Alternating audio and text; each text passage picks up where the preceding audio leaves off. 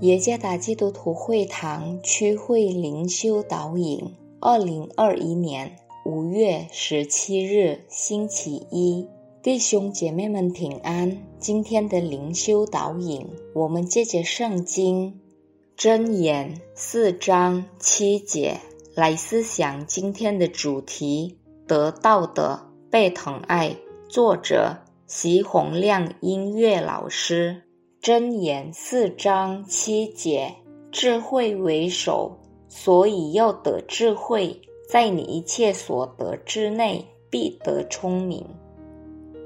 几年前，我听到一位神父的建议，就是要连贯而反复地读真言书。我为此被感动去做，应想模仿好的是好的。我本应从中得到能着色生活故事的智慧和一切良好的理解力。实际上，读不一定懂，听不一定理解，理解不一定去做。真言书是上帝透过文学语言所漠视的道，它的内容充满了劝勉和教导的话语。所罗门王是本书大部分的作者，其中包括第四章。所罗门透过他的父亲大卫那里得到的教训传记下去，他劝告说要认真地获取聪明和智慧，智慧为首，所以要得智慧。实际上，智慧本是上帝。所以，对上帝的认识将带某个人从无知到真正的智慧。确实，人类的悟性已陷入罪恶，倾向于拒绝和不在乎真理，并将悟性置于上帝的审判之下。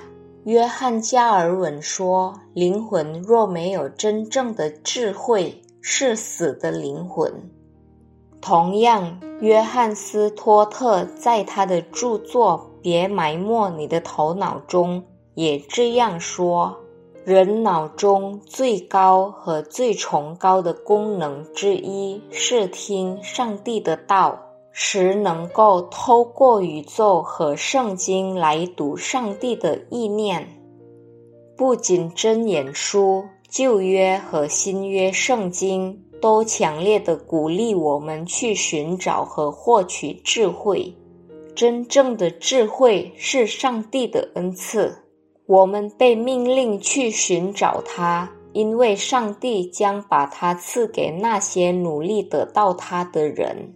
J.I. 帕克说：“除了圣经的真理之外，就没有其他关于上帝的知识了。”而圣经的真理是被谋士和保惠师，就是圣灵印在心怀意念中，所以透过接近上帝和他的话语，我们得以过上有意义的生活。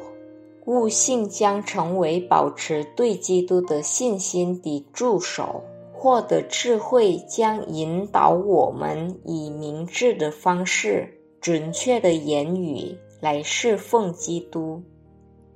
真正的智慧和悟性，只能从与上帝的深厚关系中和与上帝个人的经历中获得的。上帝赐福。